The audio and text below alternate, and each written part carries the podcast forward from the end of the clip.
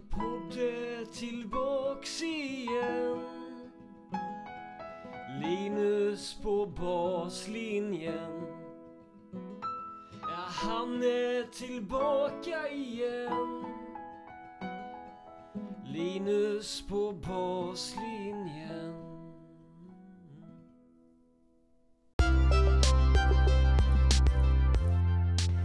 Då hälsar jag er välkomna till ett nytt avsnitt av Linus på baslinjen podcast. Idag med Leo Öberg som gäst. Leo är född 1991 och har en spännande bakgrund där han bland annat bott i Filippinerna, Marocko och Nigeria. Han började spela tennis på Filippinerna men gjorde sina, sin tränardebut i Jönköpings Tennisklubb för att därefter ta steget till att bli chefstränare i Bankeryds TK där han stannar under fem års tid. Under de här åren var han med och bidrog till att, bidrog till att klubben fick fram tre juniorlandslagsspelare. Sedan två år tillbaka är Leo tränare i Lidingö Tennisklubb i Stockholm. I det här avsnittet så pratar vi bland annat om möjligheter och utmaningar i en mindre klubb som Bankeryd, skillnader mellan att jobba i Bankeryd och på Lidingö, framgångsfaktorer bakom att fostra duktiga juniorer. Vi pratar om skillnader, skillnader mellan Region Syd och Region Stockholm, individuell träning för juniorer samt om hur Leo har ändrat uppfattning om internationellt tävlande i unga år. Nu kör vi! Välkommen!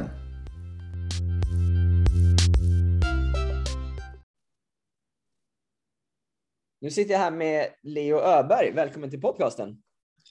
Tack så mycket. Eh, Leo, du har en, en eh, väldigt spännande bakgrund där du har eh, bott en del utomlands. Du, du, skrev till mig här innan Filippinerna, Marocko och Nigeria. Kan du berätta lite om, om din bakgrund och hur det har format dig som, ja, till den personen du är idag? Ja, det var väl så att min pappa, han jobbade för Ericsson på den tiden som Ericsson fortfarande var ganska stora. Så det var mycket utlandskontrakt och det var många svenskar som åkte utomlands då. Så att varje ställe vi var på så fanns alltid liksom en svensk community kan man säga. Mm. Och vi, det var, vi, var väldigt, vi hade det väldigt bra. Alltså, vi gick i jätte, jättebra skolor och vi bodde jättebra och så där. Så vi var alltid så här, American International Schools och, ja. och så vidare. Sen fick man ju se väldigt många olika kulturer eh, som definitivt kanske öppnade ögonen lite till hur vi bor i Sverige och så där. Ja, ja. Att vi har det bra i Sverige menar du eller? Ja, absolut. Väldigt skyddat sådär. ja. ehm, och jag var ju skyddade där också för att alltså, vi bodde ju kanske i sådana här closed communities där det fanns grindar och så, men man såg ju samtidigt också hur de hade det, de, som de lokala befolkningen. Liksom. Ja. Hur, hur har det liksom påverkat dig då? Liksom? Eller har du gjort det? Ja, absolut. Jag har väl för, för, jag har fått, fått en förståelse för alla olika kulturer och har respekt för hur folk har det och hur folk tänker och att folk tänker lite annorlunda. Och man kanske, kanske, kanske kan tänka lite mer utanför boxen än om man bor i ett ställe. Ja, oavsett ja. Var, var det är någonstans. Just det, just det. Så det var lätt att anpassa mig kanske, möjligtvis jämfört med andra människor, kanske lite lättare att anpassa mig till olika situationer kanske. Ja, ja. När, eh, kom, när liksom flyttade ni tillbaka till Sverige då?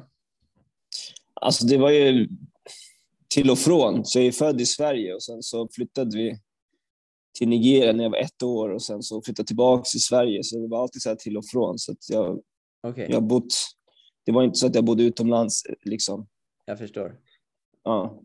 Utan det var ju till och från. Ja, exakt. Eh, var och när fick du din introduktion till tennisen då? Filippinerna. Min mamma är från ett litet land i södra Afrika som heter Lesotho, som många, många kanske inte känner till. Det är ett Nej. Eh, litet land som ligger innanför Sydafrikas ah. gräns, eller man säger så. Det ligger i Sydafrika, men det är ett land. Ett, ja. liksom, Typ som Vatikanstaten i Italien. Ja, typ. Ja. Eh, så, och där har tennis varit ganska, alltså var en del av kulturen ganska länge, så tennis är ju ganska vanligt att folk spelar. Ja. Eh, även fast inte haft några framgångar så, eller så här, men internationellt. Men ganska vanligt att folk spelar tennis Mm. Och då så, när hon bodde med min pappa och mig i Filippinerna så gick hon till en, en tennisklubb där hon gick på liksom vuxenkurser. Mm. Och då så en dag så hängde jag med och fick stå på sidan av banan och studsa boll på racket liksom. Det var väl så det började. Okej, okej. Ja. Hur eh, liksom eh, hur, hur, var, hur länge spelade du i Filippinerna då? Eller var ni där under en längre period då? Eller? Kommer Jag var du där i tre år. Ja. Okej. Jag var där i tre år, så jag spelade. Alltså, efter ett tag så tyckte jag, jag tyckte det var roligt såklart, nästan direkt. Så Mm. då, då gick jag ju på ja, alltså, barnträning. Eh, Det såg väldigt mycket annorlunda ut än vad vi, vad vi håller på i Sverige. Men det var ju, Hur då? jag hade, alltså det var ju gasbollar direkt och det var, det var klassisk kötennis, liksom en forehand och en backhand ställer sist i ledet och sådär. Ja, ja. Eh, Allt som vi, tycker, som vi ser att man inte ska göra, det, det gjorde vi. Det gjorde vi. Men du tyckte ändå det var kul uppenbarligen? Jag tyckte det var roligt. Och sen Mm. så spelade jag en del med mamma då. Alltså, så. Eh, och pappa spelade ju också lite, så det blev lite med en familjegrej. Så här. Mamma var ju den som spelade mest. Men, Just det. så att, eh, Ja, jag kom igång och, och lira kanske snabbare, de som inte spelade med, sina, med någon annan. Eh, Ja. Bara stod och spelade kötennis. Så det var skitkul alltså. Ja, just det. Är det något som du eh, kan känna idag när du är tränare det här med att det är viktigt att barnen eh, tränar extra med föräldrar och så också? Ja, absolut. Jag ser inte.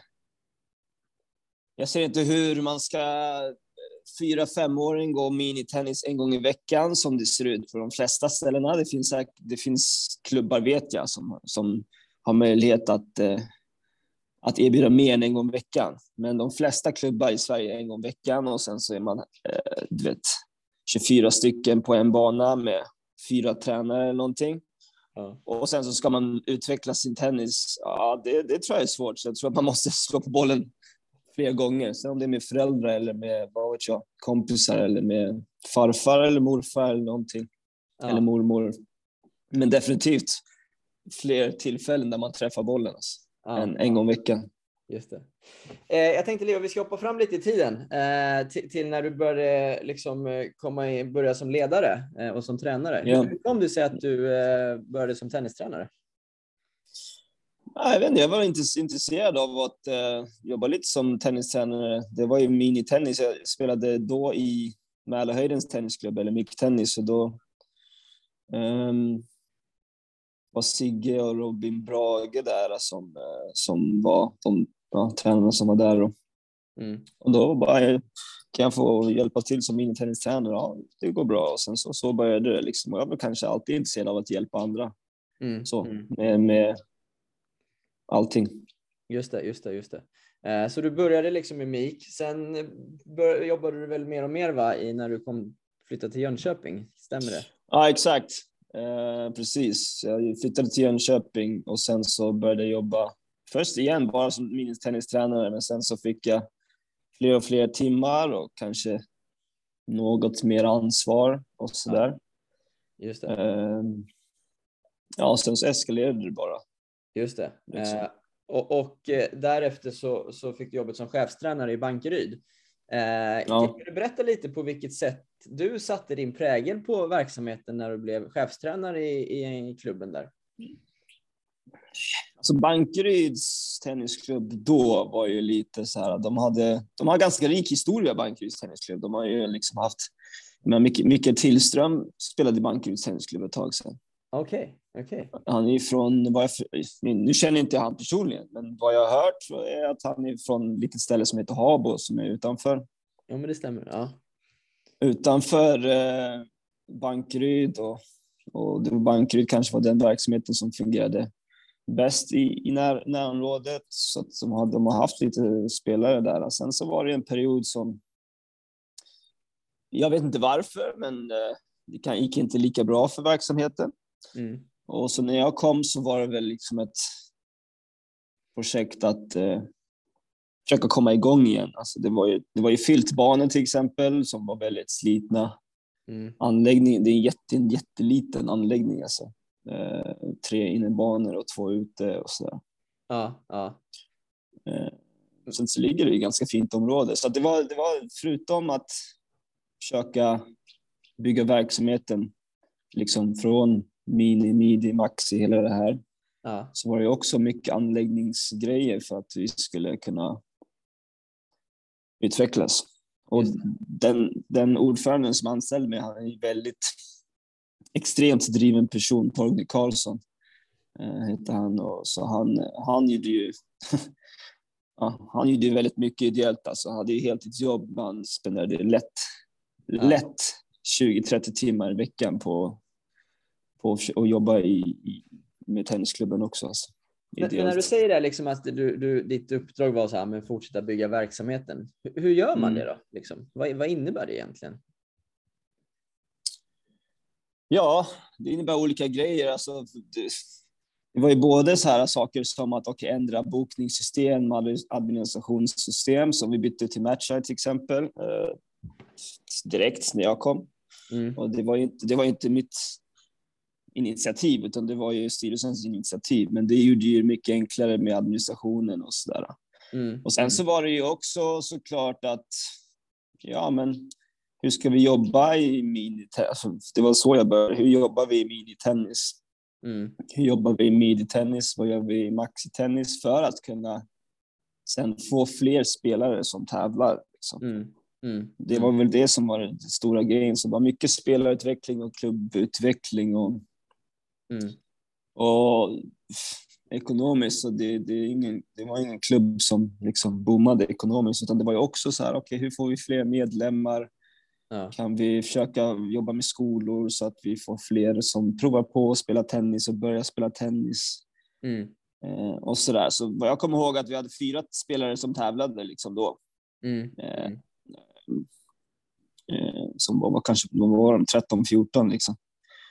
Så, så, så, och sen så hade vi ju ett, ja men alltså, det fanns några unga intressanta eh, tennisspelare. Eller så här unga, unga, alltså nu pratar jag om sexåringar.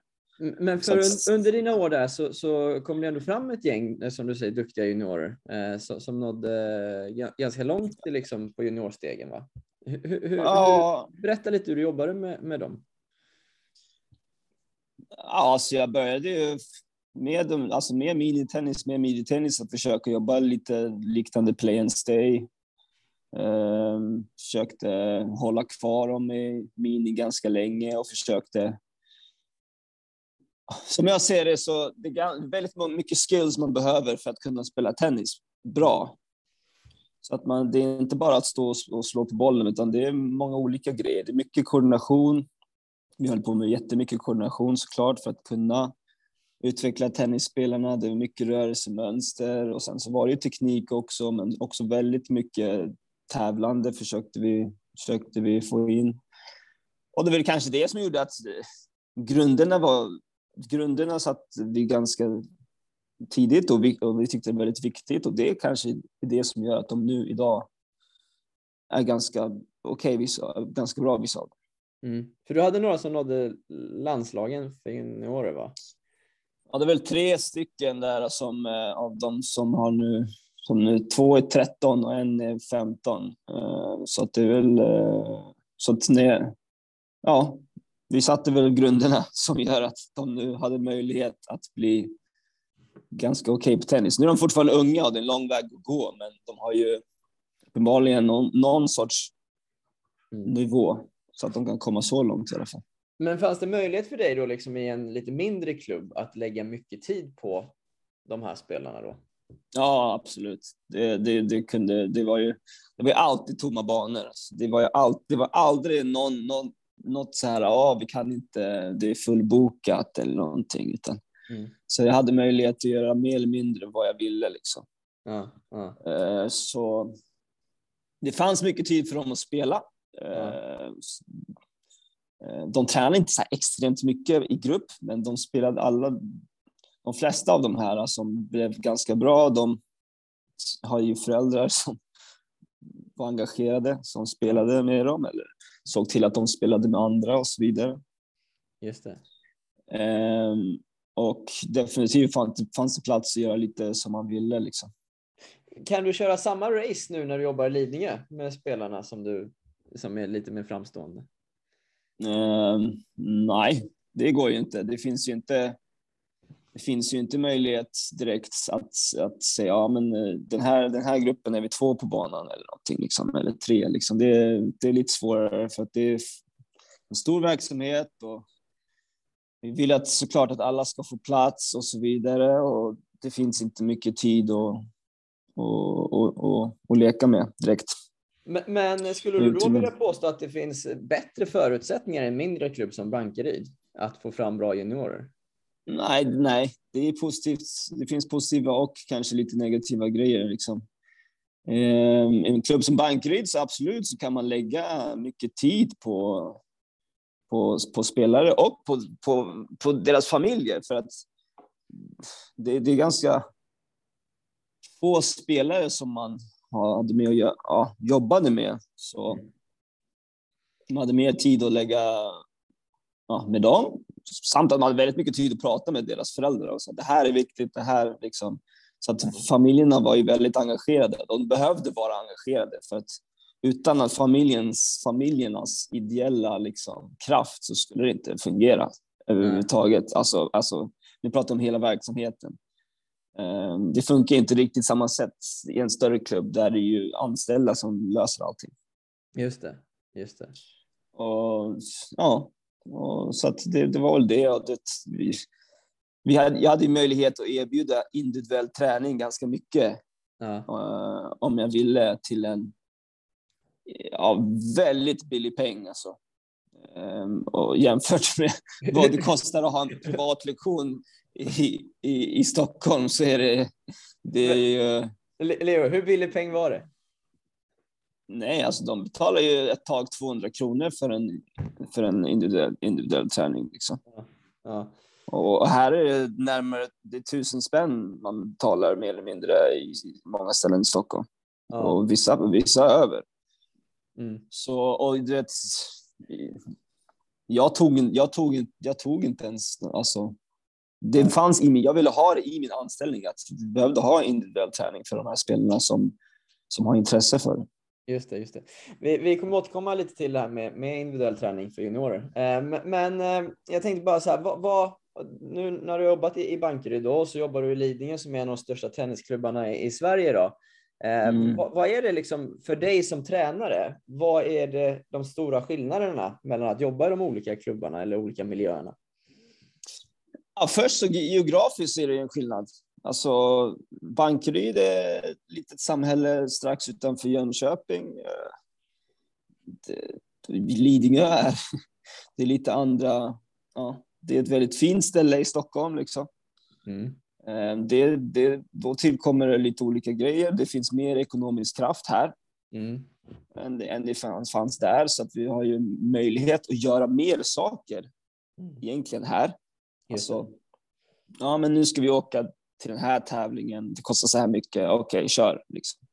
Ja, eh, eh, nej, men eh, där var det lite så här. Mm, har vi råd? Kan vi verkligen skicka mig som tränare på SM? Har vi råd? Liksom? Ja, ja. SM Göteborg, det är en, timme, en och en halv timme från Bankeryd, liksom, så det är inte så att det är eh, stora reskostnader. Men medan här är det så här, ja, det är klart, och bla bla. Ja, ja, ja. Så att, och det, ja. Och det finns kanske, anläggningen är väldigt mycket bättre här såklart än den i Bankeryd, så det finns ju möjligheter att göra fler saker så. Mm, mm, mm. Men jag kan inte säga så här, eh, som man gjorde då mer eller mindre, att när, med de som var tävlingsspelare, alltså, alltså, nej, det är max tre på banan. Alltså. Just det. Om, om, om vi kan så är vi två. Ja, ja. Eh, men det går ju inte här liksom. Det Nej. funkar inte. Och sen så har man ju mindre tid med, med alla spelare och man har färre tid med att prata med föräldrar. Det, det tror jag var en väldigt viktig grej, att, att få med sig föräldrarna eh, i Bankeryd. Liksom. Få dem att förstå liksom, om vilka värden är viktiga, vad tycker vi om det här och, och så vidare. Förutom ja, att slå, slå forehand och backhand liksom. eh, så fanns det mer.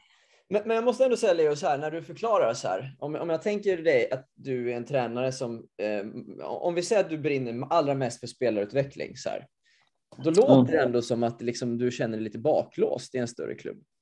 Nej, nej, man, nej det, ty- det tycker jag inte. Jag tycker att vi ändå ger möjlighet eh, för ganska mycket individuell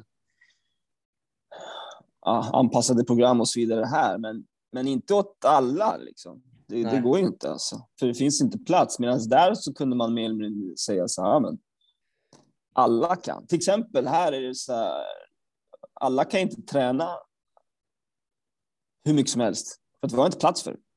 Nej.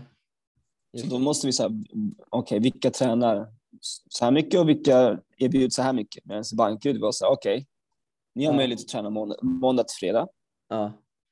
Alla kan träna en och en halv eller två timmars pass till fredag om de vill. Ja. Men, men de som behöver träna mycket, de kan träna mycket. Även Det tror jag, det tycker jag definitivt att, Mm. eh, att vi, vi kan erbjuda. Just det.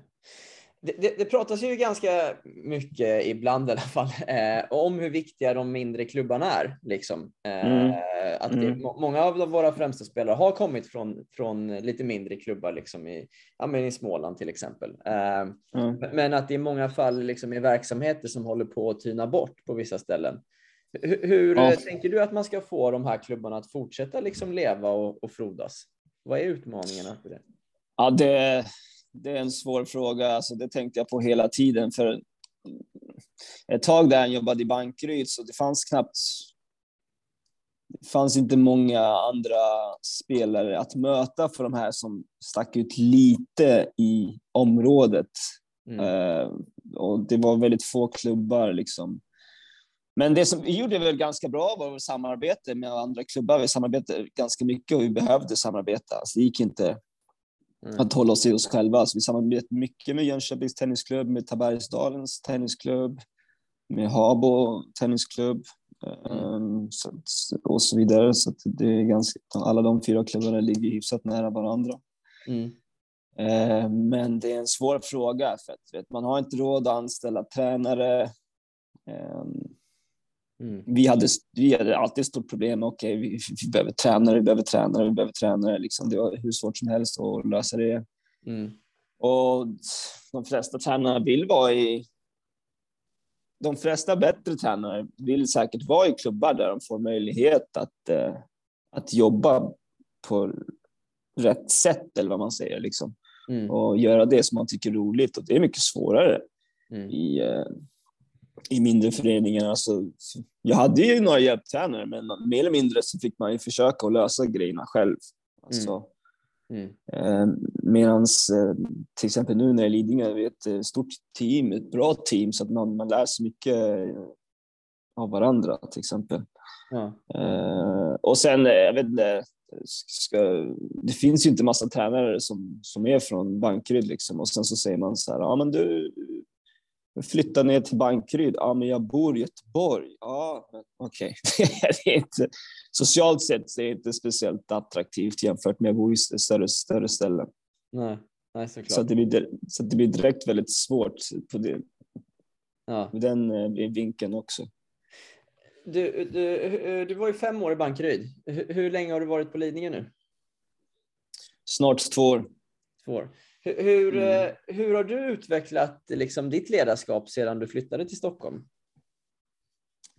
Jag har utvecklats ganska mycket tycker jag. Jag tycker att jag kanske sett saker från en annan synpunkt, alltså från, från an, andra vinklar. Eh, Jag har chefstränaren eh, här i klubben är Fabio Mison som är en italienare som har bott i Sverige ganska länge och han är ju väldigt bra tränare och väldigt ja, han ser saker kanske på andra sätt än de flesta svenska tränarna gör eftersom han är från ett annat, ett annat land.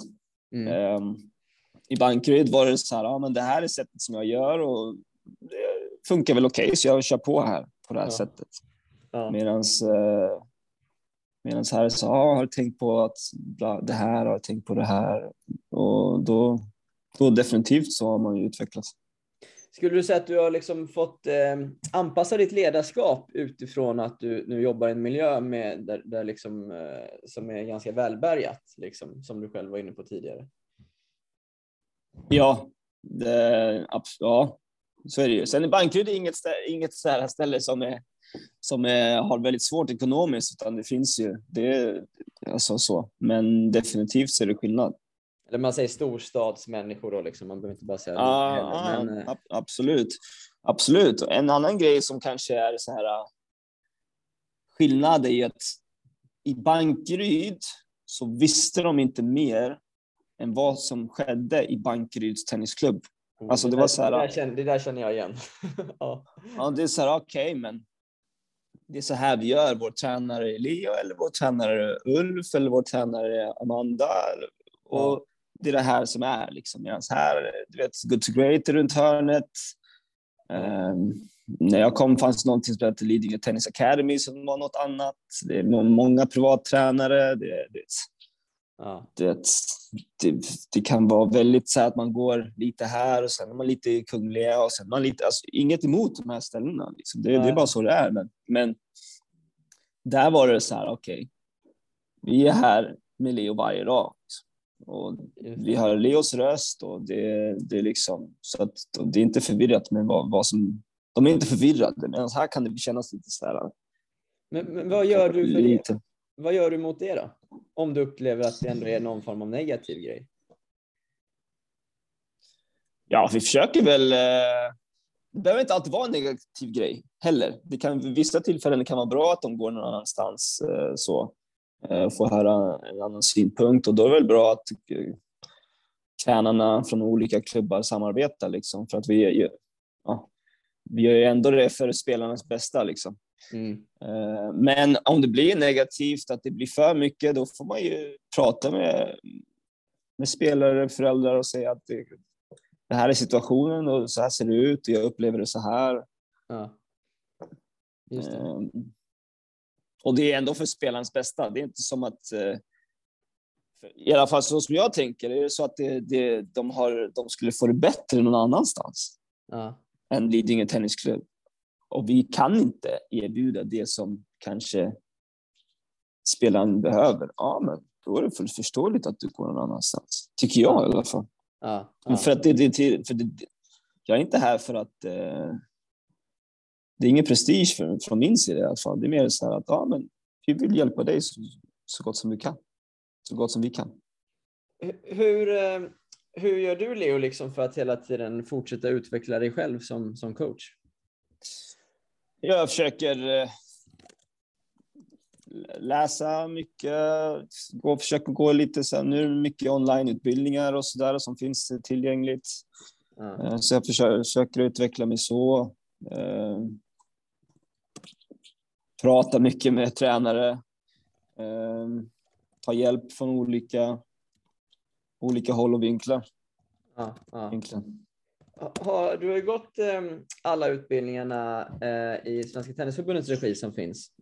Berätta ja. lite vad du tycker att de har gett dig. Jag tycker väl de gav mig ganska mycket när det kom till, eh, jag höll på ganska mycket med tennis, man, det som man kallar tennisskolan, liksom så här mini, midi, maxi ett eh, bra tag. Ja. Då gav de mig en bra introduktion till eh, liksom, hur man kan, ja, vad som behövs för att, för att forma en spelare. Eh, hur man kan se på träning och, och så vidare. Eh, hur man, ja, spelarutveckling för dem, de, det, det gav mig ganska mycket.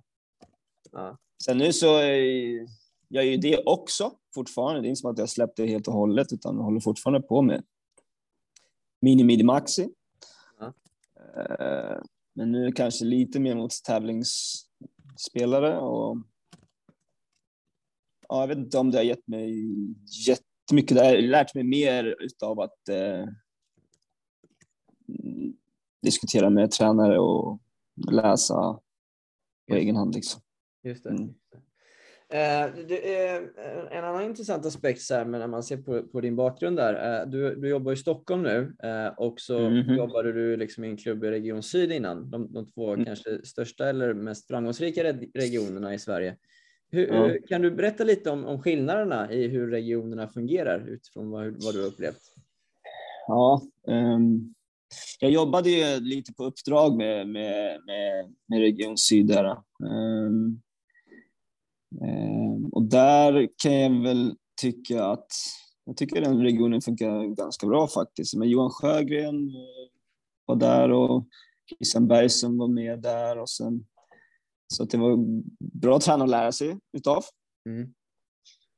Um, och sen så regionen är ganska stor geografiskt, alltså Småland, Skåne liksom och Blekinge och så där. Så att man samlades kanske inte lika ofta som man har möjlighet att samlas Nej. I, Stockholm. Um, det gjorde ju att man kanske hade om man tittar till exempel på Stockholm så du vet, de har elitträning, det är en gång eller två gånger i veckan. De, de har team 15 till 18-åringar som tränar en gång i veckan. Mm. En, en, en, två timmars pass eller någonting sånt. Medan där var det kanske okej, okay, det är 24 timmar vi samlas. Mm. Eh, det finns mer tid att jobba med olika grejer än det finns på två timmar. Just det. Eh, ehm, det det, kanske var, det som jag upplevde i alla fall, det kanske var lite mer fokus på taktiska saker i, när vi samlades i, i Region Syd än, än uh, vad de har möjlighet till att göra i Tennis Stockholm, tycker, upplever jag det. Alltså okay. när vi hade läger och så vidare. Ja, ja. Att, uh, såklart, det är 24 timmar. Vi kan, vi kan sitta, sätta oss ner och prata om olika grejer och vi kan träna på olika taktiska moment Ja. Rörde inte så mycket teknik och så vidare. Um, skillnaden kanske med Tennis Stockholm är ju också att det är, mer, det är lite mer så här tävlingsresor sånt som de erbjuder oss mm. för mm. spelare. Det, det, är lite mer Tennis Europe, uh, Junior ITF-er mm. uh, och så vidare. Det, det, var inte lika mycket med, med, med, med Tennis Syd. En annan grej som jag tycker är ganska ja, som det är en skillnad om man tittar på tävlingsupplägget i, i, de, två, i, i de två regionerna. Mm. Så i Stockholm så spelar man tävlingar, ja men det kanske är utspritt på tio dagar. Alltså nu pratar jag om vanliga nationella tävlingar. Ja, ja. Um, där Vissa gör på annorlunda sätt, men de flesta som jag upplever att de flesta klubbar, många klasser, många kla alltså det spelas alla klasser mer eller mindre sam, samtidigt. Och, och, vi spelar tio dagar. Spelar en match måndag, en match tisdag, en match onsdag. Ibland så är det till och med att du spelar en match tisdag, nästa match torsdag ja. och så vidare. Ja. Uh, I syd så spelar man tävlingar torsdag till söndag. Men det är mycket bättre att göra så, eller? Absolut, det är mycket bättre. Uh, och sen så kanske det är så att uh, Bankeryds Tennisklubb har en tävling samtidigt som, som Jönköpings Tennisklubb har en tävling, men Klasserna krockar inte. Mm. Så att till exempel Bankeryds tennisklubb spelar 10, 14, 10 och 14-årsklasserna ja. en, en helg och, och sen 12 och 16-årsklassen nästa helg och sen Jönköping spelar eh, vice versa. Ja. Så att du kan, spela, du kan mer eller mindre spela båda tävlingarna. Ja. Eh, utan att det blir någon VO eller utan att det blir någonting sånt. Medan i Stockholm är det lite så här, ja, kan bli mycket VO tycker jag för att de spelar en annan tävling någonstans och svårare för tränare att, eh, att vara med på tävlingar och coacha för att tisdag så står vi på banan. Som hur ska, vi kan inte gå ifrån, vi kan inte gå ifrån verksamheten medan i, i syd så kan man säga, ja men nu åker jag till eh, någonstans. Jag åker till Lund den här helgen och sen så kan jag, kan jag kolla på tio spelare spela samtidigt om de spelar två matcher om dagen. Ja. Om, det, om det är så att de vinner så att jag kan kolla många, många matcher på en kort period. Just det. Just det. Medan här är det lite så här. Det är svårare. Och sen så, jag vet, den här diskussionen, det är inte första gången det här tas upp liksom, men det finns ju utmaningar. Det kanske är fler som anmäler sig i Stockholm och så vidare och så vidare. Men vet, på något sätt så tror jag att det finns möjlighet att utveckla det. Ja, ja. Ja, men jag håller helt med dig att komprimera det mera. Eh, mm. Tror jag de flesta skulle tjäna på. Eh, mm. Eh, Leo, det, det, du, du, liksom, du, du jobbade i Bankeryd och så nu flyttade du till Lidingö för två år sedan eh, och, mm. och liksom varit bidragande till att en del duktiga juniorer kommit fram och så vidare. Har, har, har du mycket egna mål för dig själv som tränare? Alltså mina egna mål är väl att försöka att utvecklas varje dag egentligen. När jag var lite yngre så kände jag så här, ah, men jag vill så här. Eh, om jag hade blivit eh, haft möjlighet att jobba med landslag i Sverige eller någonting, alltså så här, nu pratar vi om juniorlandslag eller så vidare, så hade det varit jättebra. Men kanske med, med åren så släppte det där lite och så, så här, men jag ser till att jag försöker bli bättre varje dag. Försöker att utveckla spelare så gott som vi kan. Såklart vill man gärna jobba med spelare som är på en hög nivå. För mig eh, mår jag ännu bättre om att jag vet att jag har tagit den här spelaren från en ung ålder och haft, varit med i resan där de har blivit eh, så bra som de kan bli eh, mm. vid en äldre ålder eh, och sådär.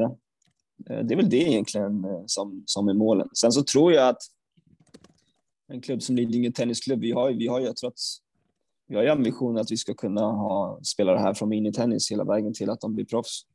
Mm. Mm. Tror, jag tror att vi har möjlighet att göra, kanske inte hela vägen idag, men jag tror definitivt att det finns ambition att vi skulle kunna klara av att göra det där. Så att, okay. Det är väl en väldigt eh, bra grej eh, för, för, min del, att kunna känna så, att man har spelare som kan gå hela vägen. Så. Just det, just det. Eh, så liksom om en spelare är topp 250 och ska spela slam, då kan ni skicka en coach 40 veckor per år? Nej, inte idag som du säger. Inte, inte just nu. Men jag tror att det, vi har ambitionen att kunna lösa det om det är så att vi, vi har spelare som är där. Mm. Nu har vi inte det. Alltså. så, så, såklart, men, ja. men eh, vi, vi, vi har ju ambitionen att kunna kanske följa med mer på junior ITF och så där än, än vad vi gör idag. Mm. Hej allihopa! André Göransson här. Eh, uppvuxen i Höllvikas Tennisklubb och numera dubbelspelare på ATP-touren. När jag var 12, 13, ja, fram tills jag var 18 ungefär, eh, så åkte jag på en hel del eh, Euroleague Tours, bland annat till Afrika när jag var 16 och eh, Asien när jag var 17 och sen Sydamerika när jag var 18. Fantastiska resor på många olika sätt. Väldigt lärorikt och och bra att få se andra länder och komma bort från ens comfort zone. Vilket är jättebra förberedelse för, för college och även sen på ATP-touren. Eh, och det är inget som jag ångrar idag och eh, jag tycker verkligen att många andra ska gå samma väg eh, och åka på en hel del Euroleague-resor eh, innan de åker på college.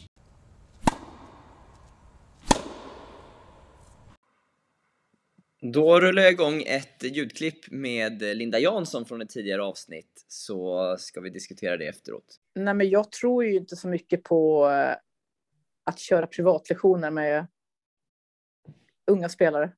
Okej, okay. ja det får du berätta. ja, nej, men, ja, men så här, jag tänker, alltså om jag jämför liksom en timme eh, privatträning där man ska då, där man står och spelar forehand och forehand och forehand och det är liksom bara i det här eh, görandet. Du ska göra, göra, göra, göra.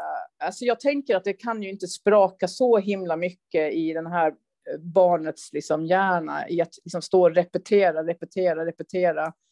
Eh, alltså, och då, då tar jag jämförelsen med att spela i grupp där man då kan köra olika spelövningar där man inte bara gör det här slaget utan man får ju också planera liksom det taktiska momentet och sen också eh, måste man läsa spelet. Liksom man får in de tre komponenterna. Görandet, eh, planerandet och att läsa spelet. Vi har precis lyssnat på ett klipp med Linda Jansson från ett tidigare avsnitt där hon eh, eh säger att hon inte tror så mycket på privatlektioner för yngre juniorer. Och vi har pratat lite mm. om det här med individuell träning redan, Leo. Men, men berätta mm. lite vad du tänker i den frågan. Jag tänker att man behöver få möjlighet att slå på bollen ganska många gånger. Mm.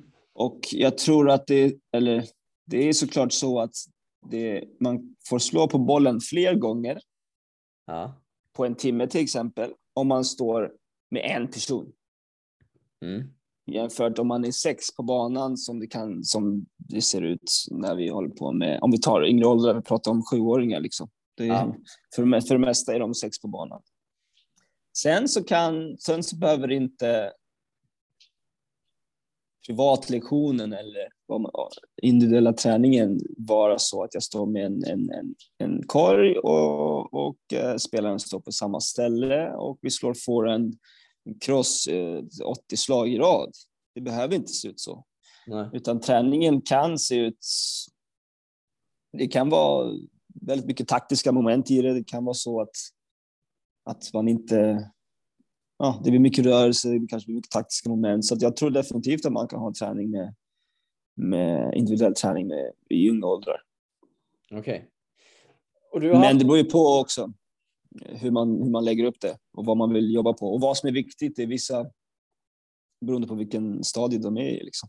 Just det, just det. Men jag, fick, jag har ändå fått uppfattningen att de spelarna som du har jobbat med, eller juniorer som du har jobbat med, som har blivit lite bättre, att du har kört en del Mm. individuellt med dem. Ja, absolut. Och, eh, men det var inte så jag tog någon som hade, jag körde inte med någon som hade orange boll. Det gjorde vi inte liksom. Okej. Det var när de kom upp till grön boll, till maxitennis, som vi började köra. Eh, för att jag tyckte i orange boll så sätter vi grunderna på träning. Mm. Och sen så går de och så, så, så säger då, nu går du och, eller till föräldrarna, nu, går, nu spelar ni dem. Så. Mm. Mm. Och, och ni ser till att ni spelar mycket med dem. Alltså. Mm.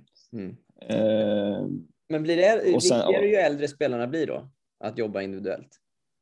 ja, det tror jag definitivt. Eh, det är väldigt viktigt, framför allt om man har ambition att bli så bra man kan bli. Mm. Om det är så att ambitionen är något annat så, så fine liksom. Men man kan inte säga här att ja, men jag vill bli proffs och sen så spelar de aldrig själv. Liksom. Det, det går inte. Nej, just det. Just det. Eller ja, Just det. Men, men, men så, det, det, om jag förstår rätt då, liksom så att har man ambitioner att bli så, så bra man kan bli, eh, liksom, eh, då behöver man göra mer än vad en klubbmiljö kan erbjuda. Ja. Ja, Jag vet inte, har vi något exempel på någon som bara spelade, spelade ingenting utöver det som man spelar i klubben och, eh, och har lyckats bli, bli bra, alltså så jättebra eller? ja, jag, vet inte, lyssnarna får väl skicka in i så fall kanske. Eh, Ja, jag, jag har inte hört någonting sånt. Sen Nej. att Sen att du vet, det måste vara ett samarbete. Alltså, till exempel om det är så att det är föräldrarna som står och spelar med dem mycket utanför, då, kan, då behöver ju klubben guida Just det. föräldrarna. Ja. eh, och spelaren. Vad är det som ni ska göra? Eh, Bla bla. Det, det ska inte vara så att du har en, två coacher, en som är pappa och en som är tränare liksom. Nej. Eller mamma eller, eller vad. Eller vad det nu är. Utan, men för mig är det så här att du behöver slå mycket på bollen, du behöver spela mycket poäng, du behöver spela mycket match, du behöver sätta sig i många taktiska eh, situationer för att lösa, för att lösa det. Det handlar inte bara om att ha bra teknik utan Mm. Handlar om väldigt mycket, många olika skills, alltså ett stort skillset som man behöver. Och jag tror inte att vi har möjlighet eh, att, eh, en, eh, du vet, som det kan se ut i, många klubbar, du, är tio år, du spelar eh, fyra timmar i veckan med, i klubb, med, du delar banan med fyra spelare, du har en tränare. Mm. Mm. Nej, det, jag vet inte, jag tror inte det kommer fungera. Alltså. Du, du, har ju sagt några gånger här att det, det är viktigt med ett stort skillset, så att kunna mycket. Eh, är, är det Mm. viktigare än att bygga tydliga vapen, tror du? Mm, ja, jag vet inte riktigt. Jag tror det är både och. Mm. Jag tror att i början så i början av sin utveckling så gäller det väl att man är väldigt rounded, tänker jag, liksom att man har väldigt många skills. Mm. Att det inte finns hål, liksom för mycket hål i, i spelet är väl det mest optimala. Mm. Eh, och sen så efter ett tag så måste man ju såklart bygga vapen också, tror jag. Mm. Framförallt om man vill liksom bli väldigt bra. Ja. För att om man inte har vapen så kan man vara stadig. Men det, det kommer en, man kan komma ganska långt på att vara stadig också. Ja. inte missa och så vidare. Så där. Men eh, om man inte har någon, någonting som är lite utöver, utöver det så Just De det. kommer ju lite längre kanske. Just det, just det, just det. Eh, jag är med. Hu- Hur, eh, jag tänker när, när du eh, kom upp liksom, eh, eller i, när du jobbade i Bankeryd och, under de här Mm. åren liksom, fram tills där du är idag, så liksom var du ändå själv hyfsat ung och kanske inte supererfaren liksom som ledare i början. Eh, har du liksom känt att du har fått lära dig under tiden med dina, som du har jobbat med dina spelare då? Liksom? Eh, Ja. liksom, ja, du, du kanske inte hade supermånga kollegor heller att bolla mycket med oss i början. Så jag tänker att det måste varit en liksom, utbildning du själv varit gått under alla de här åren. Eller? Förstår du vad jag menar? Eh, ja, ja och nej. Eh, ja, på det sättet att man var lite, jag hade ju kollegor och sådär, men man var lite själv.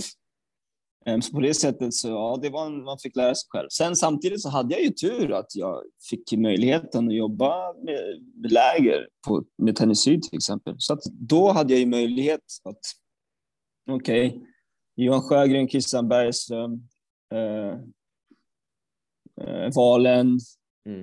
Eh, Oskar Forsell som eh, har varit, haft en bra nivå själv, spela och är bra tränare nu också. Mm. Så där hade man ju möjlighet att ut, utbyta idéer och få hjälp och så vidare. Och vi hade ju också tur att vissa, en del av våra spelare i Bankeryd var, hade väl en nivå där de fick vara med på de här Mm. eh, lägren liksom, och tillfällen där man träffas med Tennis Syd. Så, så ja, Just det. på det sättet, så det sättet fick jag hjälp. Ja, jag Och sen så försökte, försökte man ju vet, titta på så mycket tennis som möjligt. Ehm, gå på så många sådana här uh, tränarträffar som möjligt. ja. Som uh, tennis, tennis Syd eller Svenska Tennisförbundet ja. arrangerade så att man hade möjlighet att lära sig av andra. Just det. Du, du har ju mestadels jobbat med, med juniorer om jag förstår det rätt. Så. Eh, hur, Ja, absolut. Hur mycket, hur mycket har du kollat liksom, på seniortennis för att veta vad nästa och nästa steg är hela tiden? Liksom? Ja, så mycket som jag kan. Ehm, ko- när jag kan kolla live så kollar jag så mycket som möjligt. Ehm, när, eh, annars är det väldigt mycket tennis på tv och sådär. Alltså. Just det. Just det. Ehm, Ja, Eh, jag, jag, jag, jag kanske har fel här, så här men, men jag, liksom, jag tycker mig ha sett på, på din Instagram att du jobbar mestadels med tjejer, med flickor. Är det så? Eller är det bara en skev bild jag har fått kanske? Ja, jag, jobbar, jag jobbar med de spelare jag har, om man säger så. Och sen så att det har varit eh, det har- ju varit så att det har varit lite tjejer liksom. Ja, men det är inte något du själv det- har liksom tänkt? Nej, det, det är ingenting som är så här att jag vill hellre jobba med tjejer eller jämfört med killar, utan det kanske har varit, det har säkert varit så att det, det är bara så att vi har haft kanske fler tjejer som har den ambitionen att bli så bra de kan bli Okej. än killar. Men jag tror att liksom en spelare som har varit med mycket har ju mest, den som har varit mest har ju egentligen varit en kille liksom. Okej. okej. Eh, Men sen har det varit mycket tjejer och de är olika så det är intressant att jobba med båda Ja. få, komma, få anpassa sitt sätt att vara eller sätt att utbilda eller vad man ska säga. Hur, hur, hur behöver du anpassa det? Utifrån ifall det är killar eller tjejer? Ja, alltså killar kan man ju, jag vet, det, det kan, kan inte dra alla över en kant heller, men det, det, det är annorlunda. Killar reagerar på vissa saker på ett annat sätt och tjejer på, på ett annat sätt. Om man, man kan vara specifik, men Okej, jag upplever det så här i alla fall för de flesta. Sen finns det undantag att tjejer, de, är, de är liksom en, de gillar mer rytm än vad killar gör. Ja. Eh, killar är lite mer så här eh, spel och spel eh, orienterade. Mm. Mm. Eh, så då får man ju anpassa sig. Man får ju också anpassa sig hur man hur man är, alltså som ledare liksom hur jag kan säga olika saker till de olika och de förstår saker på olika sätt. Ja. Och tjejer, de tjejer jag jobbat med i alla fall har varit lite mer så här. Vad ska man säga? Seriösa, även fast de är ganska unga jämfört med de killarna som jobbat med. Mm. Okej. De, du de är en slump killarna. eller? Eller är det en tendens? det är säkert en tendens. Sen så finns det undantag. Alltså jag vill inte, som sagt, nu ska jag inte dra alla över en kant, men sen så tror jag att det som jag, i min erfarenhet, så kanske är en liten tendens. Okej, okej.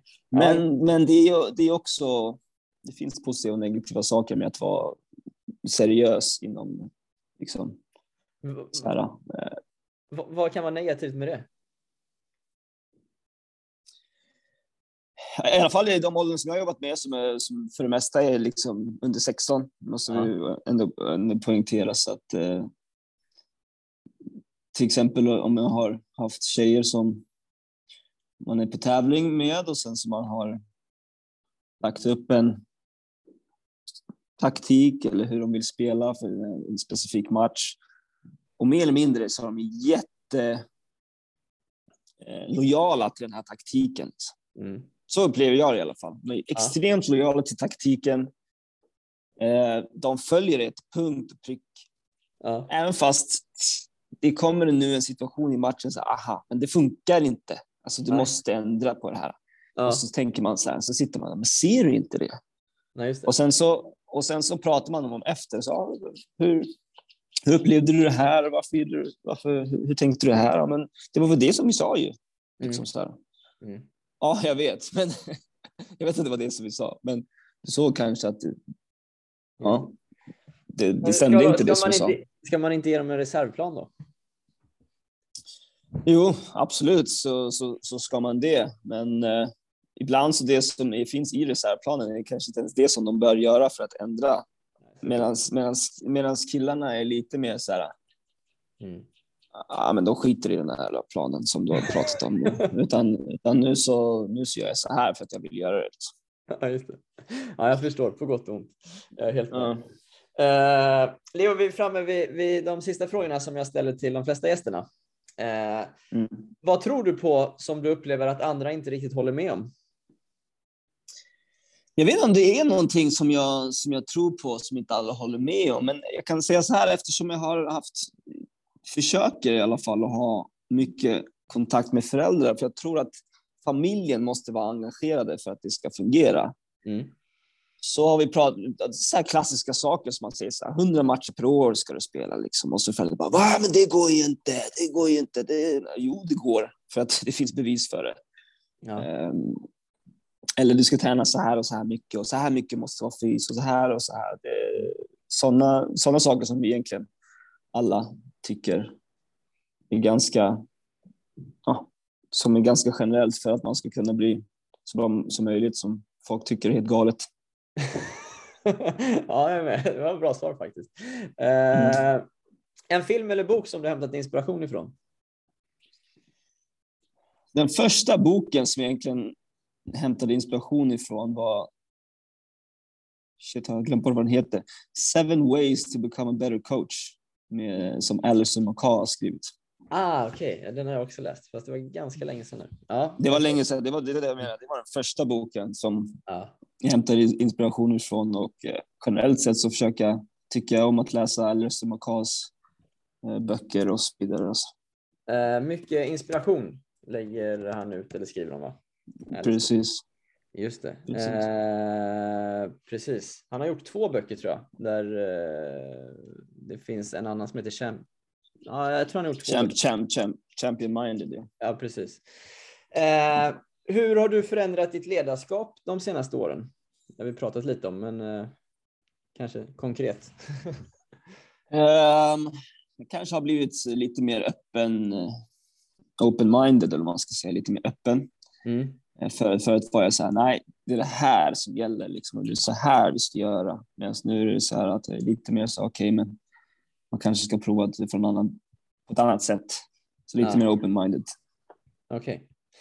Eh, om, om du var härskare över svensk tennis, Leo, vad skulle du prioritera att ta tag i då? Uff. Jag, jag, vet, jag, har lyssnat, jag har lyssnat på dina podcast tidigare och den här frågan tycker jag är så svår. Ja, nu, nu har du Ehm, haft tid att fundera då, så skjut ut ett grymt svar. Ja, jag hade väl kanske försökt att vara lite mer lite mer styrning från Svenska Tennisförbundet i olika frågor. I klubbutvecklingsfrågor, i spelutvecklingsfrågor, i tävlingsfrågor. Mm. Ja, man kan, okay, man tar ett exempel från en annan sport som det kanske inte är jättelätt att så här, överföra från andra sporter, men om du tar Barcelona fotbollsklubb till exempel. Ja. De har ett väldigt tydligt system hur de jobbar med akademin. Och sen så är det på exakt samma sätt som de, som de jobbar med i, eh, i, eh, i A-laget. I alla fall tidigare. Jag vet inte hur det är nu, men tar liksom när Pep Guardiola var, var där och så vidare. Då var det väldigt tydligt. Så att när det var dags för en akademispelare som spelar i en viss position att hoppa in i A-laget, de visste exakt vad de skulle göra. Ja. Det var ingen fråga. Och de fick fram också väldigt många spelare från akademin. Ja. Så, och det är för att det är väldigt tydligt hur de, hur de jobbar. Mm. Och det kanske skulle vara någonting. Sen vet jag att eh, det är svårare i tennis, för vi kan inte berätta för alla hur de ska slå en forehand, för forehand kommer se olika ut ja. för alla. Liksom. Men du menar att förbundet kanske borde lite mer tydligt eh, visa riktlinjer? Så här önskar vi att ni jobbar med att lära ut. Ja, ja, absolut. Jag, har, jag bodde i Jönköping, så var HV71 är en stor, eh, en stor hockeyklubb liksom där. Och det var någon där som berättade för mig att det var ett tag som svensk hockey, de inte var riktigt nöjda med resultaten som de, som de gjorde. Så förbundet anställde konsulter som mer eller mindre gick till klubbarna och sa så här, så här ska ni göra. Mm. Mm. Så att de har väldigt tydligt hur svensk hockey ska spelas eller hur man ska träna eller hur man slår en passning eller vad det nu är. Jag kan ingenting om hockey, men, ja.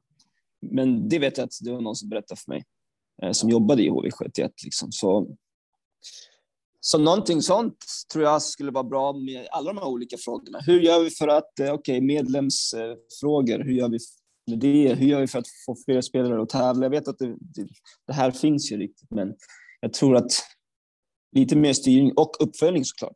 Mm, mm. Nu, ja. nu är det, så här, det är lite upp till klubbarna att göra som de vill. Liksom. Så att om du har bra klubbchefer eller chefstränare eller ett bra team i klubben så, så gör, då fungerar det bra.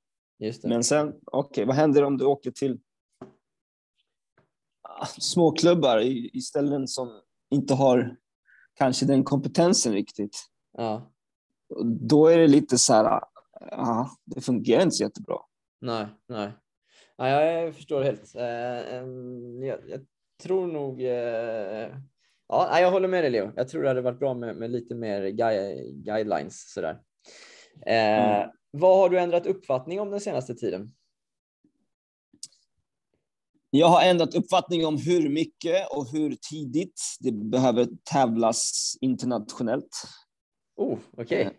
Ja, berätta. Har jag ändrat uppfattning om. Förut så tänkte jag så här, men fan, om inte du är etta i Sverige, varför ska du gå och tävla internationellt?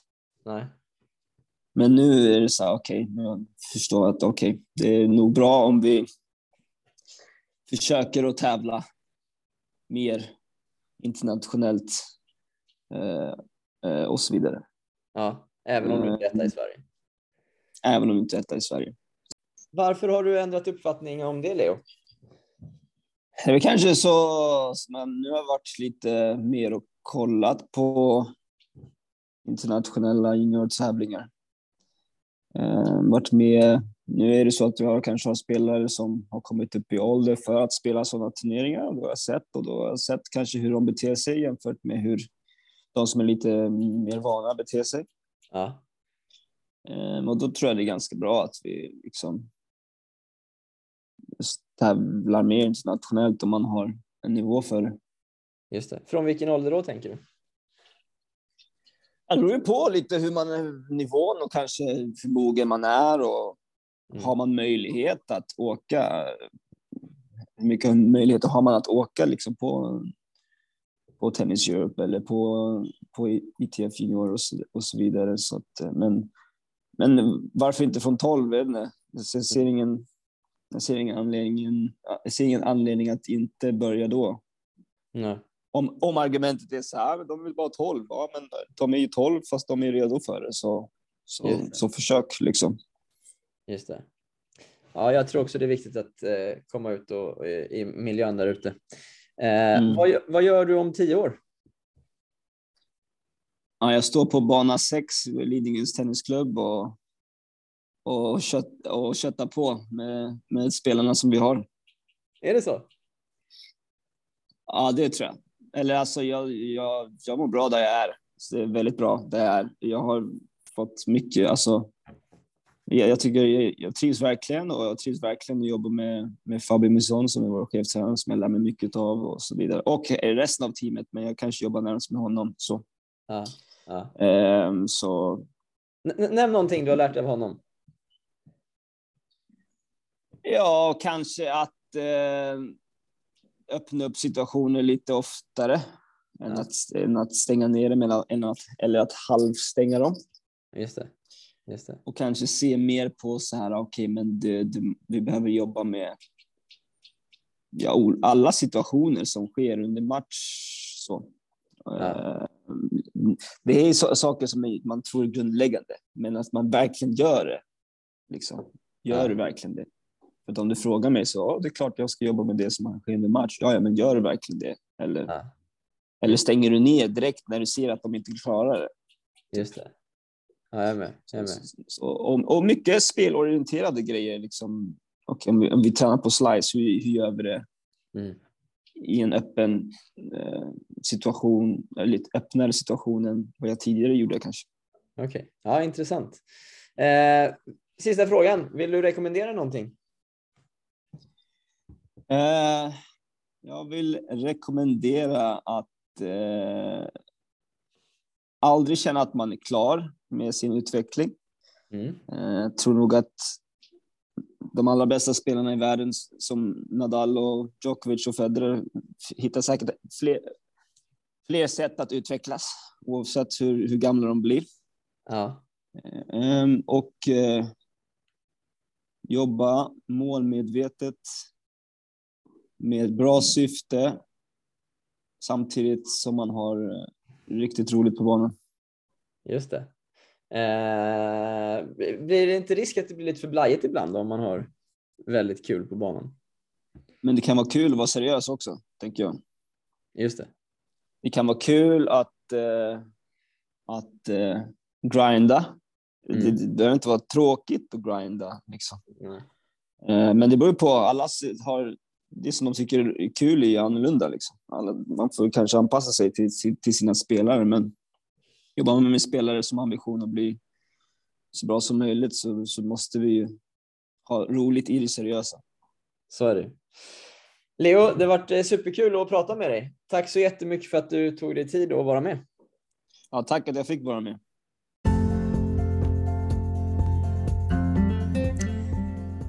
Kul att ni hörde på det här avsnittet med Leo Öberg. Och jag tyckte det var väldigt intressant att höra honom berätta lite om eh, skillnaderna med, eh, mellan att jobba i en, i en klubb eh, som är både mindre men också så ligger, som inte ligger i en, en storstad som Stockholm. Eh, nu var det Bankeryd i det här exemplet. Eh. Och jag upplevde i alla fall att, det Leo sa att det fanns ju mycket fördelar, att det finns mycket bantider, men också att han kunde lägga ganska mycket tid på ett gäng spelare, både liksom på banan men också med att prata med föräldrar till exempel, eh, som, som han tyckte var en väldigt viktig del. Eh, och också att, eh, ja, men att, att föräldrarna har ett stort ansvar, eller spelarna har ett stort ansvar att träna mer än vad bara klubben, miljön kan erbjuda. Eh, jag tyckte också att Leo svarade på ett bra sätt där när det gällde individuell träning, att jag har ju också personligen en tro på att individuell träning är viktigt. Kanske inte liksom som han själv säger i, på, på mini och midi-nivå, men att eh, det går att göra även den träningen rolig och det går inte att komma ifrån att bolltillslagen blir ju fler när man står själv med, med en spelare. Eh, och eh, ja, det går ju att vända på, på den kakan eh, på, på flera olika sätt, men, men jag tror ju inte att det är nackdel, eh, negativt att träna individuellt med, med juniorer. Jag tror snarare att det är nödvändigt eh, till en viss del. Tack så mycket för att ni lyssnade på det här avsnittet och glöm inte att surfa in på linuspåbaslinjen.com för fler intervjuer, reportage med mera. Tack för idag!